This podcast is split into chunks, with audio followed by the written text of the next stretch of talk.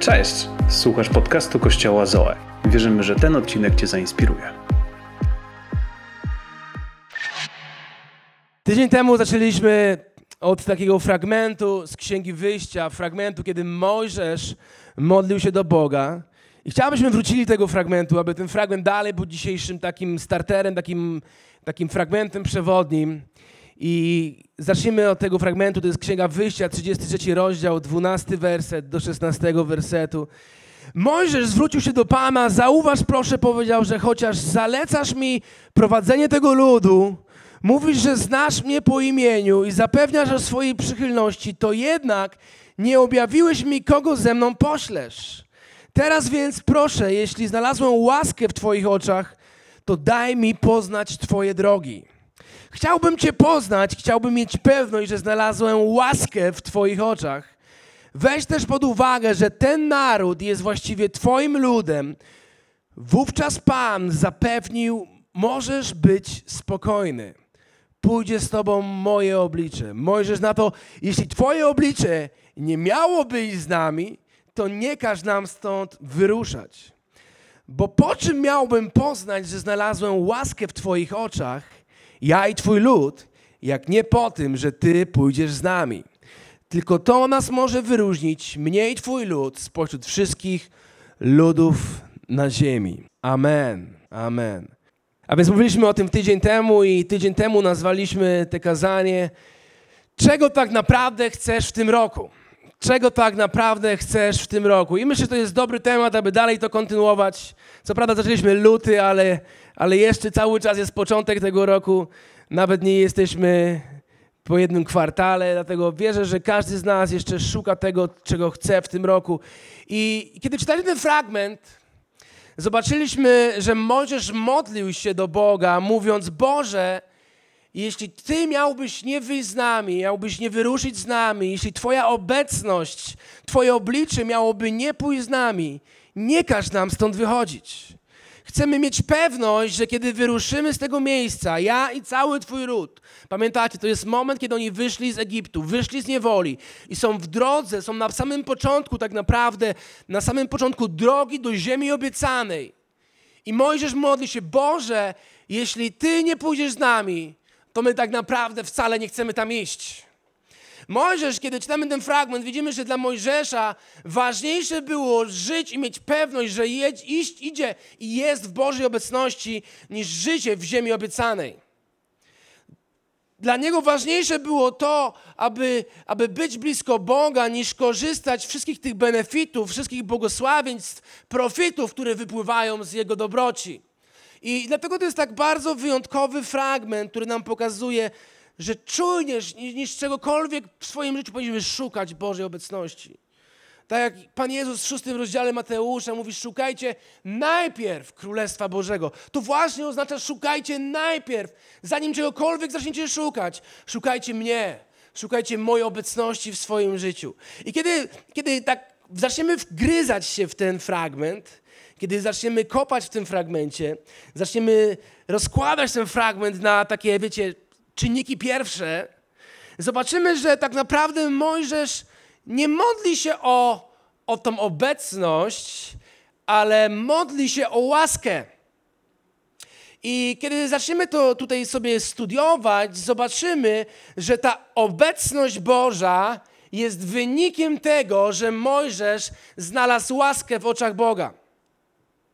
Jest bardzo ważne, abyśmy zrozumieli, że obecność Boża w naszym życiu jest owocem i efektem tego, że znaleźliśmy łaskę w Jego oczach. A więc kiedy znajdziesz łaskę w swoich oczach, automatycznie naturalne staje się to, że przychodzi obecność Boga do Twojego życia i wypełnia całe Twoje życie.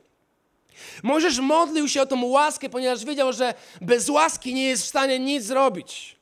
On wiedział, że bez łaski, bez życia w łasce z Boga, Boga łas, Bożej łasce, nie jest w stanie przejść przez całą tą pustynię i przez wszystkie te wyzwania, które są przed nim. On bardzo dobrze wiedział, że on sam w sobie nie jest na wystarczająco uzdolniony. On wiedział, że nie jest wystarczająco dobry w prowadzeniu ludzi, dlatego tak bardzo potrzebował Bożej łaski. I my tak samo dzisiaj możemy zrozumieć, że, że nie jesteśmy wystarczająco dobrzy w wielu dziedzinach naszego życia sami w sobie, dlatego potrzebujemy Bożej łaski, aby mądrze zbudować cały ten rok. Ja i ty potrzebujemy łaski. Mojżesz nie czuł się kompetentny nawet tak bardzo w momencie, kiedy, kiedy miał iść do, do Mojżesza, do, do Faraona i, i miał powiedzieć, że, żeby wypuścił naród izraelski z niewoli, że potrzebował Arona, który był jego językiem, który był jego ustami. On naprawdę nie czuł się pewnie. On na, na pewno nie czuł się wystarczająco odpowiednio wyszkolony i przygotowany do tego, aby prowadzić kilkaset tysięcy ludzi przez, przez całą pustynię. Dlatego on mówi: Chciałbym Cię poznać, chciałbym mieć pewność, że znalazłem łaskę w Twoich oczach. I dalej mówi, bo po czym miałbym poznać, że znalazłem łaskę w Twoich oczach, ja i Twój lud, jak nie po tym, że pójdziesz z nami, jak nie po tym, że Twoja obecność będzie w nas. A więc widocznym, widoczną taką rzeczą, którą możemy zobaczyć, że znaleźliśmy łaskę, jest Boża obecność. Że kiedy przychodzimy przez trudny sezon w naszym życiu, to Bóg jest z nami. I właśnie o tym chciałbym dzisiaj mówić. Tydzień temu mówiliśmy o obecności, ale dzisiaj tak jakby cofamy się i rozkładamy na czynniki pierwsze, z czego wypływa Boża obecność w naszym życiu. I to właśnie jest, jest łaska. Chciałbyśmy przez chwilę dzisiaj mogli przestudiować temat łaski. Więc kiedy modlisz się o łaskę w swoim życiu, tak naprawdę modlisz się o obecność Boga w swoim życiu. O to, aby On był, wypełnił każdy Twój dzień. Kiedy, kiedy zacząłem się modlić o cały ten rok, na początku tego roku, kiedy mieliśmy post, moją główną modlitwą do Boga było to, abyśmy my jako Kościół w tym roku mogli zobaczyć łaskę. Była moją modlitwą było to, abym ja jako mąż mógł zobaczyć łaskę, kiedy, kiedy buduję nasze małżeństwo, moje małżeństwo. Kiedy modliłem się, modliłem się, abym ja miał łaskę do tego, abym mógł z Bożą łaską, z Bożą pomocą wychować moje dzieci. Modliłem się o łaskę nad moimi finansami. Modliłem się o Bożą przychylność nad moimi finansami, nad, nad biznesem, który prowadzimy. Modliłem się, aby Boża łaska wypełniła każdy nasz dzień. Modliłem się o łaskę w budowaniu Królestwa Bożego tutaj, kiedy razem się spotykamy i budujemy ten Kościół. Chcemy, aby ten Kościół miał wpływ na ludzi wokół nas, miał wpływ na społeczeństwo, zaniósł dobrą nadzieję, którą jest Jezus Chrystus do tego społeczeństwa. Wiecie, kiedy myślimy o łasce, to i, i, zobaczymy, co oznacza słowo łaska w Nowym i Starym Testamencie. W greckim, w greckim języku, Nowy Testament jest w greckim języku, a więc w greckim języku słowo łaska to jest greckie słowo charis. Charis. To słowo oznacza, oznaczało dar lub błogosławieństwo przyniesione człowiekowi przez Jezusa Chrystusa, ale również oznaczało niezasłużoną przychylność, przysługę lub życzliwość Boga. Łaska to jest coś, na co ja i ty nie zasłużyliśmy. Łaska to jest coś, na co nie jesteśmy w stanie zapracować. Łaska to jest coś, co, co Bóg daje nam, kiedy skłania się ku nam sam z swojej woli. Dlatego tak ważne jest, abyśmy mieli świadomość, że nie jesteś w stanie zapracować na łaskę. Ona jest, ona jest po prostu wypływa z Bożej dobroci. Ona wypływa z natury tego, jaki jest Bóg. Ona jest niezasłużoną przychylnością, jest przysługą, jest skłonieniem się Boga ku nam, ludziom tutaj na ziemi. I definicja zarówno w Starym Testamencie łaska i w Nowym Testamencie łaska oznaczała to samo. I definicją tej łaski to jest skłonność i przychylność Boga do udzielania siebie i swojego błogosławieństwa wobec człowieka. To jest skłonność i przychylność Boga do udzielania siebie, tego kim jest Bóg i co wszystko jest w Nim, w Jego naturze i swojego błogosławieństwa wobec człowieka, wobec mnie i Ciebie. I kiedy, kiedy zaczniemy studiować temat łaski, to, to w Nowym Testamencie jesteśmy w stanie odkryć cztery rodzaje łaski.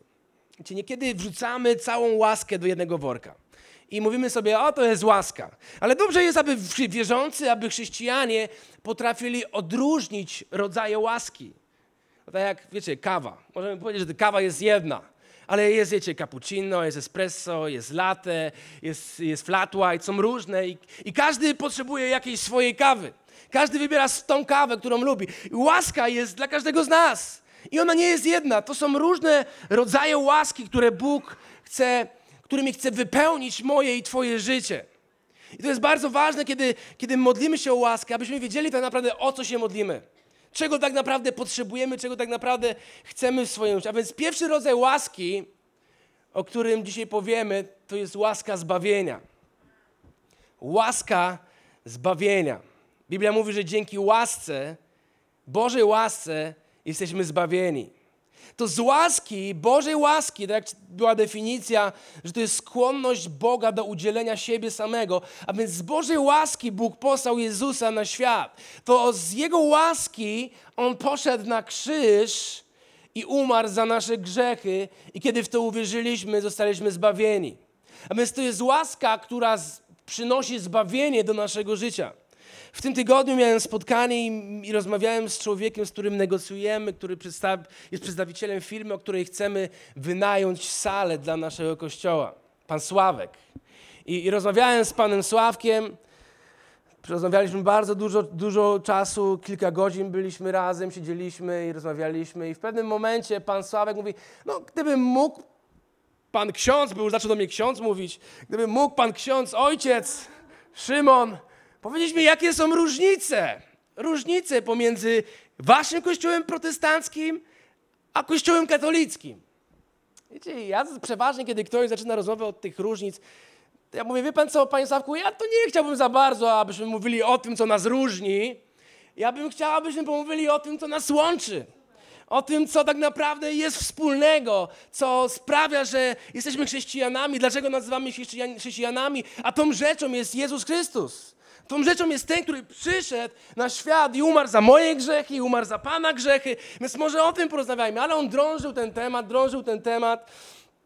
W każdym razie doszliśmy do pewnego miejsca, gdzie, gdzie ja zadałem mu pytanie, Panie Sławku, jak Pan myśli, co sprawia, że my, chrześcijanie, pójdziemy do nieba?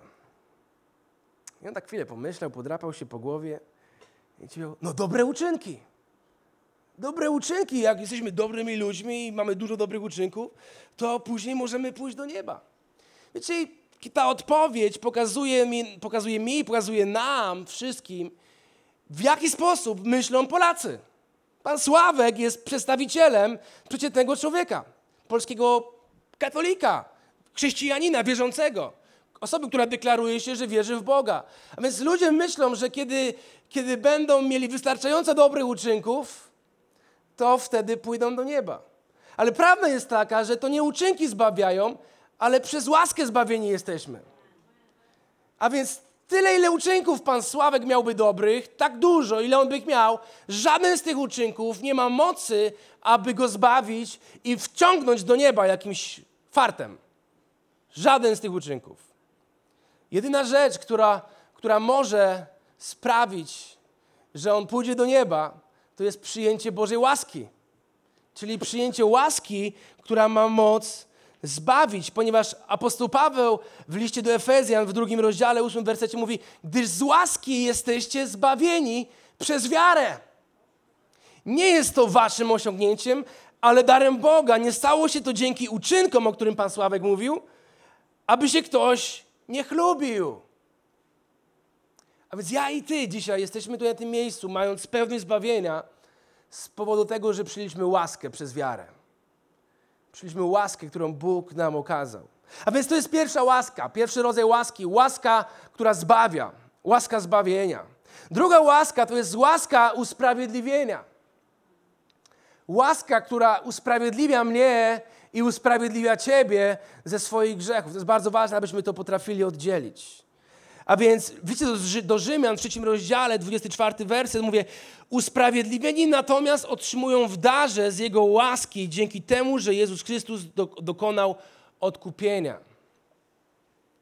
A więc jesteśmy usprawiedliwieni z Jego łaski.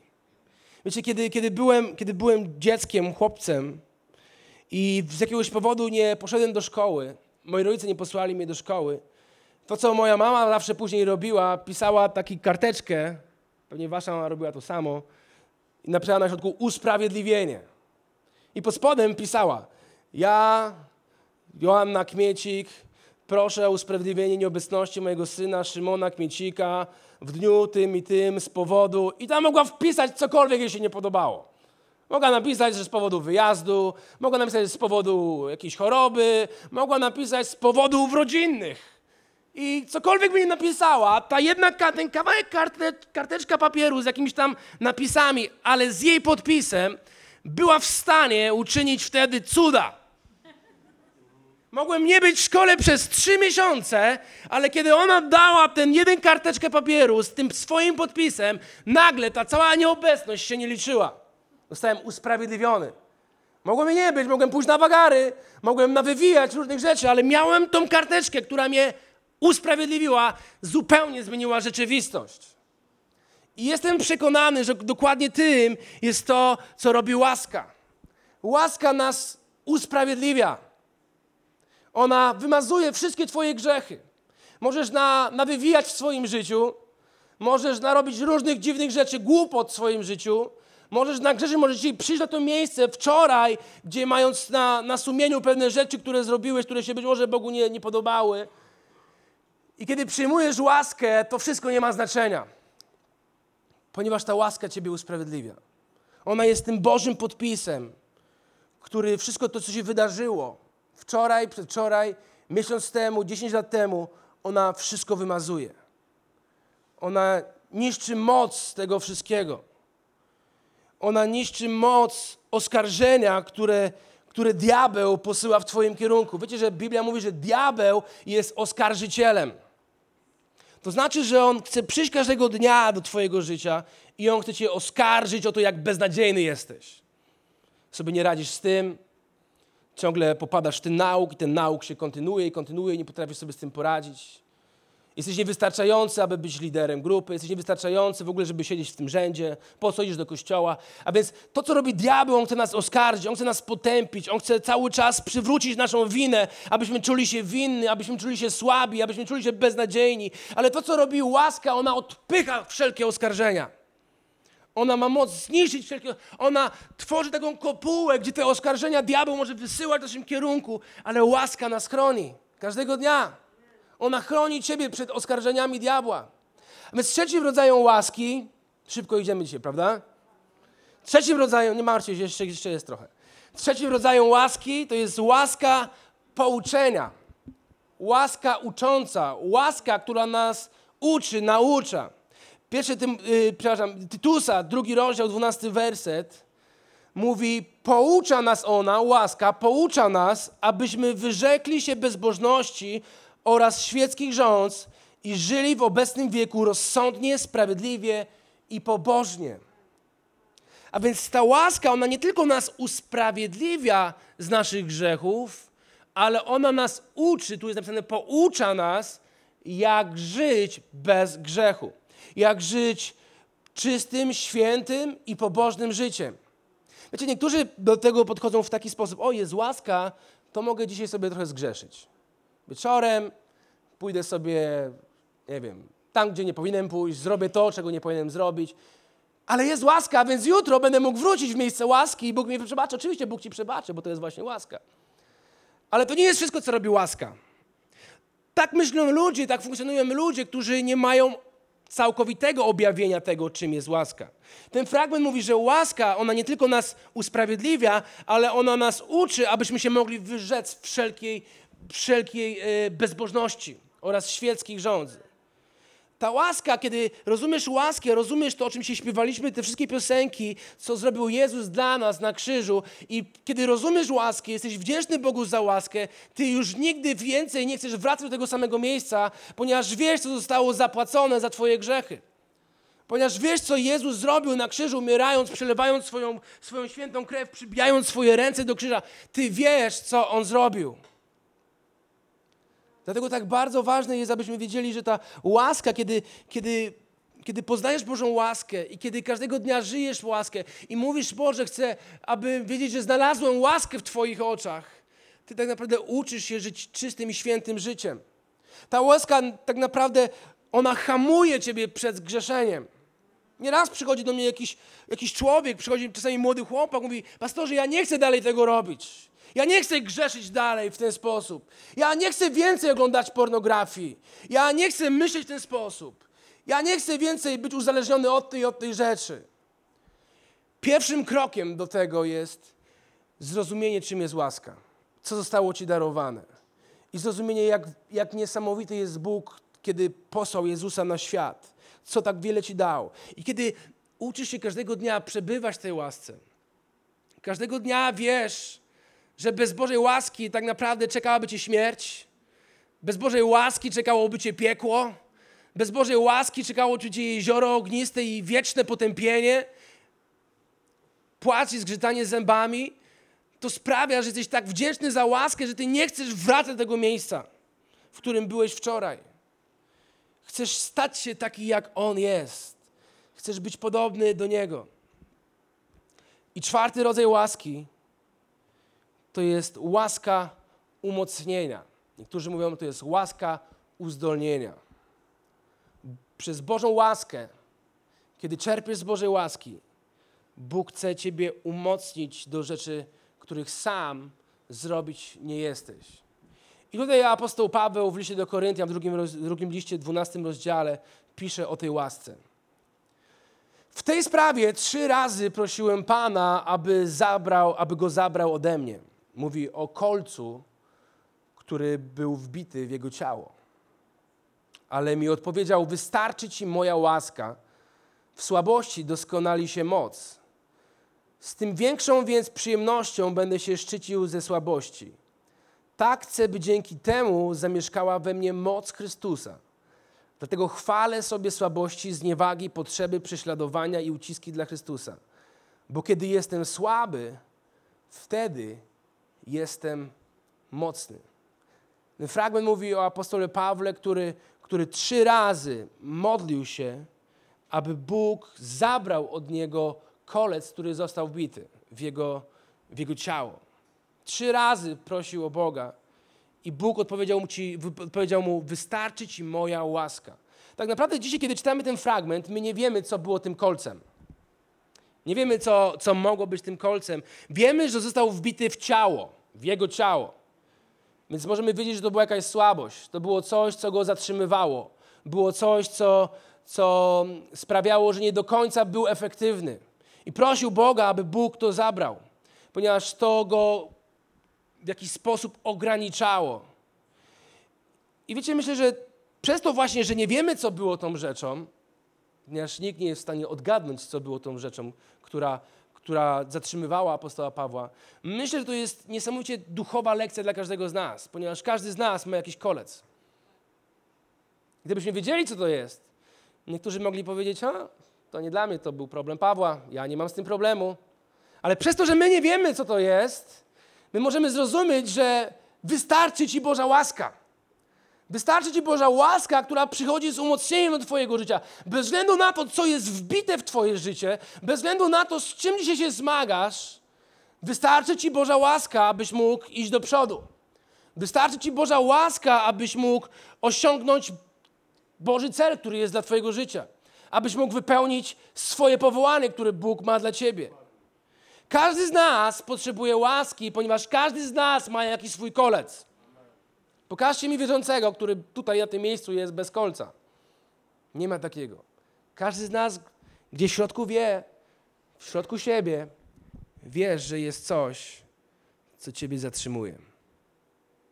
Wiesz, że jest coś, co ciebie ogranicza. Wiesz, że jest coś, co jest twoją słabością. Wiesz, że jest coś, co sprawia, że nie do końca jesteś efektywny.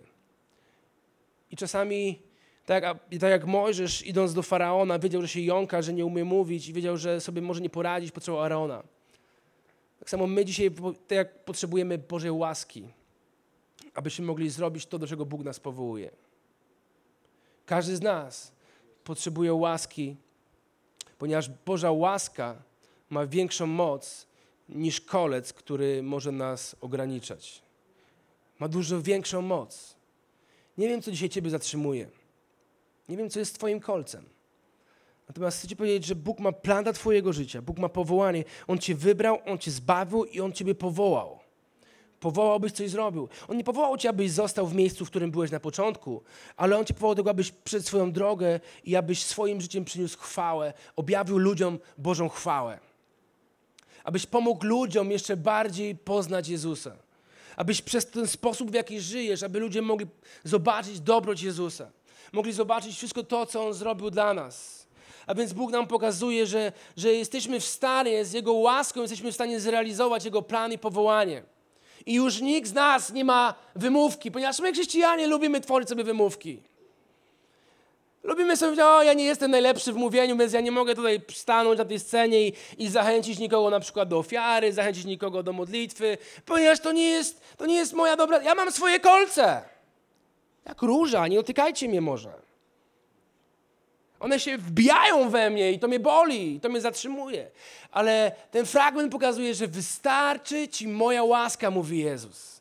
Abyś mógł zrobić to, do czego Ciebie powołałem. Abyś mógł wypełnić plan, który mam dla Twojego życia.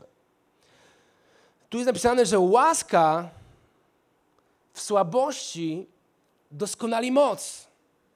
A więc to od razu mówi, że, że Bóg nie oczekuje od nas, że będziemy wystarczająco dobrzy, że my już będziemy doskonali, kiedy wejdziemy do służby, że my będziemy wystarczająco dobrzy i, i wykształceni, kiedy zaczniemy Jemu służyć. On oczekuje od nas, że my będziemy polegać na Jego łasce w naszych słabościach. A więc w naszej beznadziei, w tym, jak jesteśmy niewystarczający, On objawia swoją moc. Właśnie dlatego apostoł Paweł powiedział te słowa. Właśnie dlatego powiedział, że, że on nie jest doskonały, ponieważ gdyby był doskonały, Bóg by nie mógł objawić swojej mocy. Ale przez to, że my tak często jesteśmy niedoskonali i zawodzimy, jesteśmy słabi i połamani, przez to Bóg może objawić swoją chwałę i swoją moc. Możesz dzisiaj czuć się taki totalnie słaby i, niezdolny do tego, co Bóg chce zrobić przez Twoje życie. Ale chcę Cię zachęcić, abyś, abyś zaczął polegać na Bożej łasce abyś postawił krok wiary i abyś zobaczył, co Bóg może zrobić przez Twoje życie. Bóg nigdy nie był zainteresowany powoływaniem doskonałych ludzi. Zobaczcie na cały Stary Testament. Zobaczcie na Nowy Testament. On zawsze powoływał ludzi z jakimiś brakami. Ludzi z jakimiś kolcami, którzy, którzy nie byli sobie w stanie przypisać chwały. Gdyby on powołał ludzi doskonałych i biegłych we wszystkim, to ci ludzie przypisaliby sobie chwałę.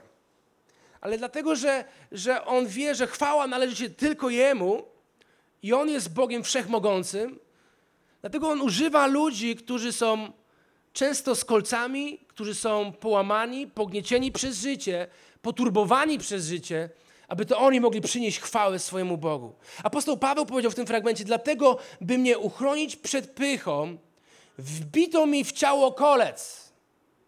A więc gdyby Paweł nie miał tego kolca, być może jego serce urosłoby w pychę. Czasami, kiedy myślimy, jak jesteśmy super, wtedy, wtedy nie, nie przynosimy chwały Bogu, ale przynosimy chwałę sobie. A Bóg tak naprawdę chce, aby cała chwała była Jego. I Paweł mówi, to jakby anioł szatana zesłany, by mnie upokarzać, żebym się nie wynosił. A więc każdy z nas dzisiaj, kiedy kiedy jesteśmy na tym miejscu, każdy z nas musi dojść do miejsca, w którym powie: Boże, ja jestem beznadziejny. Boże, ja sam nie jestem w stanie nic zrobić. Jestem beznadziejnym mężem, jestem beznadziejnym tatą, jestem beznadziejnym przyjacielem, jestem beznadziejnym pastorem, jestem beznadziejnym chrześcijaninem. Ale dzięki Twojej łasce wiem, że jestem w stanie wypełnić misję, którą masz dla mnie. Ponieważ Bóg chce używać właśnie takich beznadziejnych ludzi, którzy w czymś zawodzą, którzy nie są doskonali, ponieważ tylko ci ludzie mogą przynieść chwałę Bogu, którzy są złamani, którzy są pokorni. Czy to zobaczymy na, na Józefa, czy zobaczymy na Mojżesza, czy zobaczymy na Jozuego, na Gedeona, na Dawida, na kogokolwiek innego. Zobaczcie na Dawida. Biblia mówi, że kiedy Dawid rozpoczął samą swoją misję, Bóg dał mu tylko sfrustrowanych, obciążonych, zniechęconych mężczyzn. A więc nie dał mu jakichś super wojowników, dał mu samych wyrzutków. I on na tych wyrzutkach zbudował najsilniejszą armię. i zbudował najwspanialszy kraj. Kraj wybrany Izrael. To jest niesamowite, co Bóg może zrobić ze mną i z Tobą, kiedy zaczniemy każdego dnia mówić i prosić i polegać na łasce, tak jak Mojżesz mówi, Boże, daj mi poznać, że znalazłem łaskę w Twoich oczach. Każdego dnia rano wstawać, Boże, daj mi poznać, że dzisiaj znalazłem łaskę w Tobie. Ja jestem do niczego, ale wiem, że kiedy Twoją łaska stąpi na moje życie, Twoja obecność na moje życie, wtedy cuda się mogą wydarzyć. Wtedy ponadnaturalna moc jest w stanie działać przez moje życie. W Hebrajczykach jest napisane: Zbliżajmy się zatem odważnie i ufnie do tronu łaski, abyśmy dostąpili miłosierdzia i znaleźli łaskę zapewniającą pomoc w stosownej porze. A więc łaska zapewniająca pomoc w stosownej porze to jest dokładnie ta łaska umocnienia, która cię uzdalnia do czynienia rzeczy ponadnaturalnych. Ale tu też napisane, zbliżajmy się zatem odważnie. A więc ta łaska, ona sama się nie zbliży do naszego życia, zobaczcie. To nie jest napisane, czekajcie, aż łaska zbliży się do was, ale tu jest, zbliżajcie się odważnie wy do tronu łaski. To znaczy, że musisz nauczyć się każdego dnia podchodzić i czerpać z tego tronu łaski. Musisz zrobić ten krok.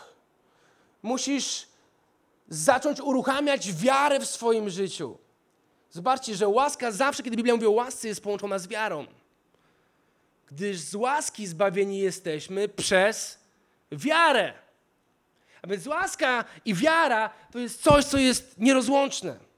Nie możesz korzystać z łaski, nie możesz czerpać z łaski, nie, nie wypełniając swojego życia wiarą. Łaska jest połączona z wiarą. Łaska zbawienia jest połączona z wiarą. Łaska usprawiedliwienia jest połączona z wiarą. Łaska umocnienia jest połączona z wiarą. A czym jest wiara? Wiara jest tym, że ty stawiasz krok, pomimo tego, że nie wiesz, co się wydarzy. Pomimo to, że, że nie masz być może żadnych pewności. Nie masz żadnej pewności, że, że tobie się uda. Więc do Hebrajczyków o tym mówi. Tym jest wiara. Z pewnością, która jest w tobie. Pewnością tych rzeczy, której się spodziewasz, które wiara zrodziła w twoim sercu. Mimo, że nie widzisz. Mimo, że nie słyszysz być może, słyszysz negatywne rzeczy i rzeczy, które nie są prawdą, kłamstwa, ale ty gdzieś w środku głęboko wierzysz w to, co Bóg może zrobić. Wiecie, kiedy ja tutaj przychodzę, ja i chwytam ten mikrofon, to nie chwytam go dlatego, że wiem, że jestem taki, taki super, że, że się dobrze przygotowałem dzisiaj, że, że albo umiem mówić, albo jestem wykształcony, bo żadna z tych rzeczy nie jest prawdą. Ale kiedy tutaj przychodzę, to robię ten krok przez wiarę z łaski. Mówię, Boże, jestem beznadziejny dzisiaj. I nie jestem w ogóle gotowy, aby stanąć przed tymi ludźmi i, i mówić Twoje słowo do nich. Ale robię to przez wiarę, mimo to, że się w środku boję. Mimo to, że w środku być może nie jestem wystarczająco dobry i gotowy, ale uruchamiam moją wiarę, ponieważ wiem, że łaska objawia się, kiedy uruchamiam wiarę. Nie mogę zostać w rzędzie, bo wtedy nie mogę czerpać z łaski ale kiedy wychodzę z miejsca komfortowego, z miejsca, w którym czuję się wygodnie, wtedy zaczynam czerpać z łaski. Wiecie, pamiętacie historię, kiedy Piotr wyszedł z łodzi? On uruchomił wiarę i kiedy uruchomił wiarę, Bóg dał mu łaskę do tego, aby mógł chodzić po wodzie. Ale gdyby on został w łodzi i nie wyszedłby z tej łódki, wtedy wiara nie byłaby uruchomiona i łaska nie byłaby wysłana do jego życia. A więc, abyśmy mogli zobaczyć łaskę i Bożą obecność, najpierw Bóg potrzebuje zobaczyć w naszym życiu wiarę. Jest łaska do umocnienia naszych małżeństw, jest łaska do umocnienia naszych biznesów, naszych finansów, jest łaska do zbudowania tego kościoła i przyniesienia chwały Bogu w Warszawie. Ale najpierw Bóg musi zobaczyć w nas wiarę, ponieważ łaska jest połączona z wiarą. Z łaski jesteście zbawieni przez wiarę. To wszystko dzieje się przez wiarę. Wiecie, i, i to jest coś, na co ja i ty nie zasłużyliśmy. Nie ma w nas nic wyjątkowego.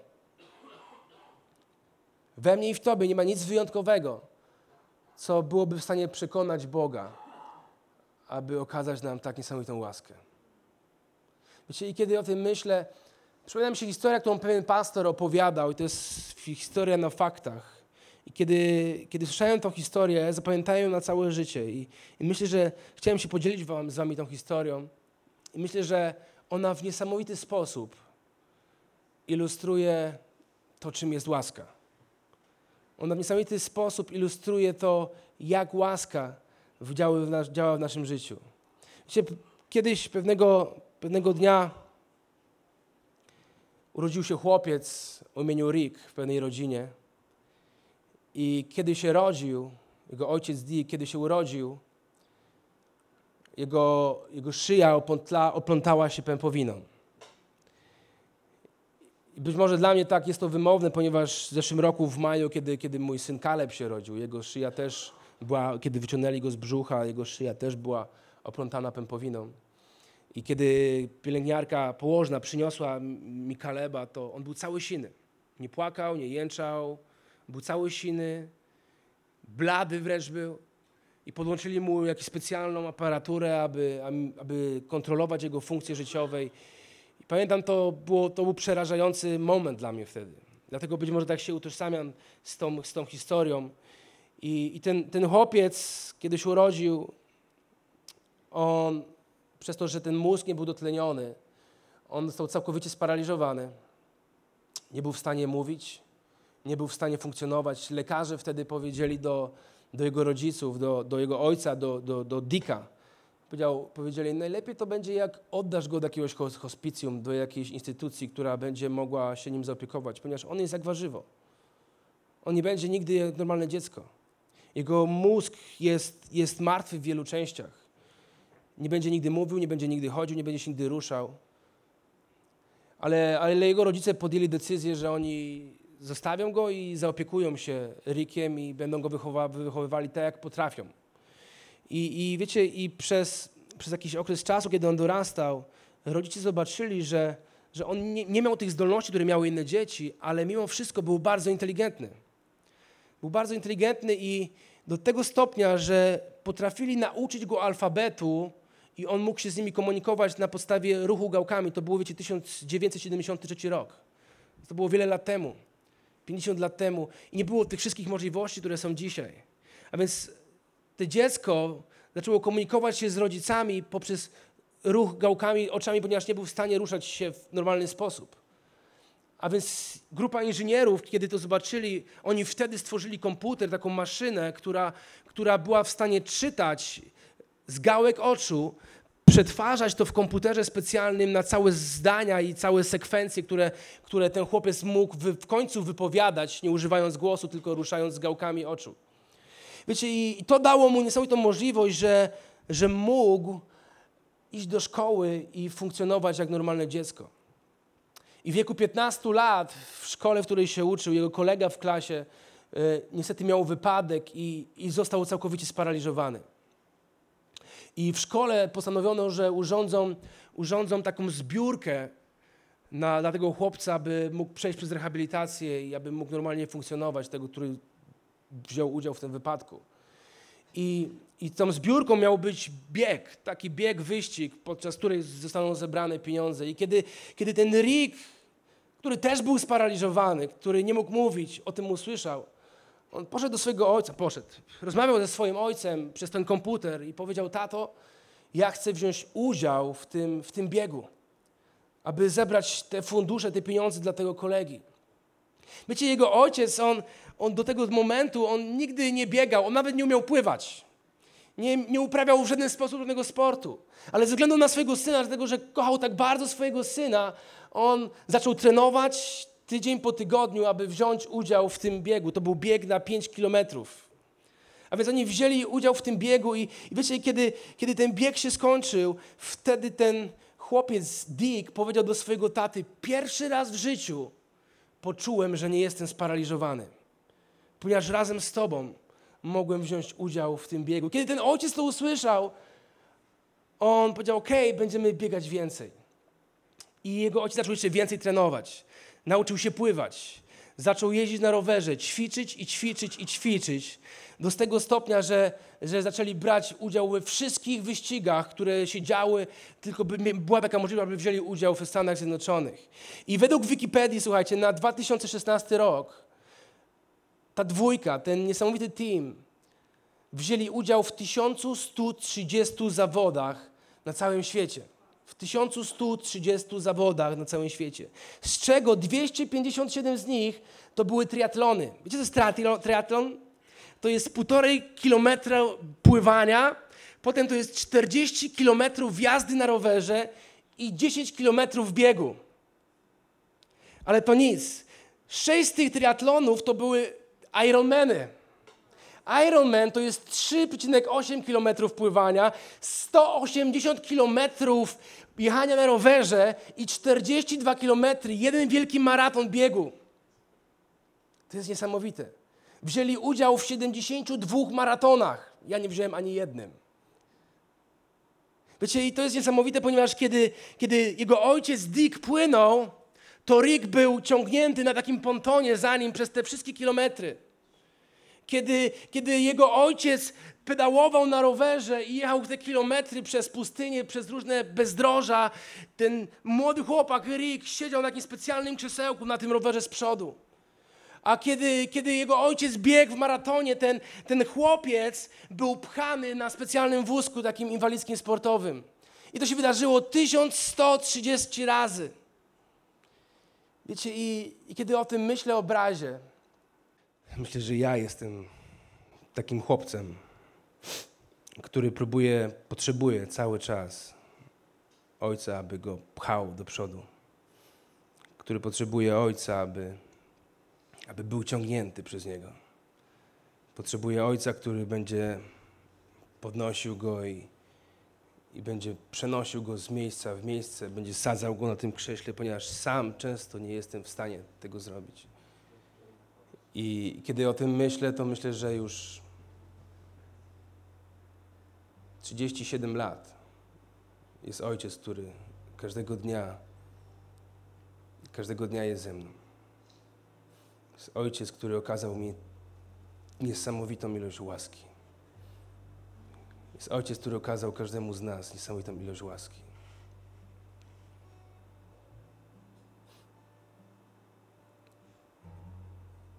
Będziemy potrzebowali Go każdego dnia w tym roku. Ponieważ z Jego łaski jesteśmy tu, gdzie jesteśmy. Z Jego łaski jesteśmy tym, kim jesteśmy. Z Jego łaski osiągnęliśmy to, co osiągnęliśmy. Z Jego łaski mamy zbawienie i pewność tego, że pewnego dnia spędzimy z Nim wieczność. Jego łaska jest wystarczająca dla naszych przyjaciół, dla naszych sąsiadów. Jego łaska jest wystarczająca dla naszych kolegów w pracy. Jego łaska jest wystarczająca dla naszych rodziców, dla naszych siostr, naszych braci, dla każdego z nas. I potrzebujemy Jego łaski, aby każdego dnia być światłem dla, dla tego świata. Ja chcę być tym światłem. I będę potrzebował łaski. Dzięki, że byłeś z nami. Więcej informacji o naszym kościele znajdziesz na naszych mediach społecznościowych. Wierzymy, że najlepsze jest jeszcze przed nami.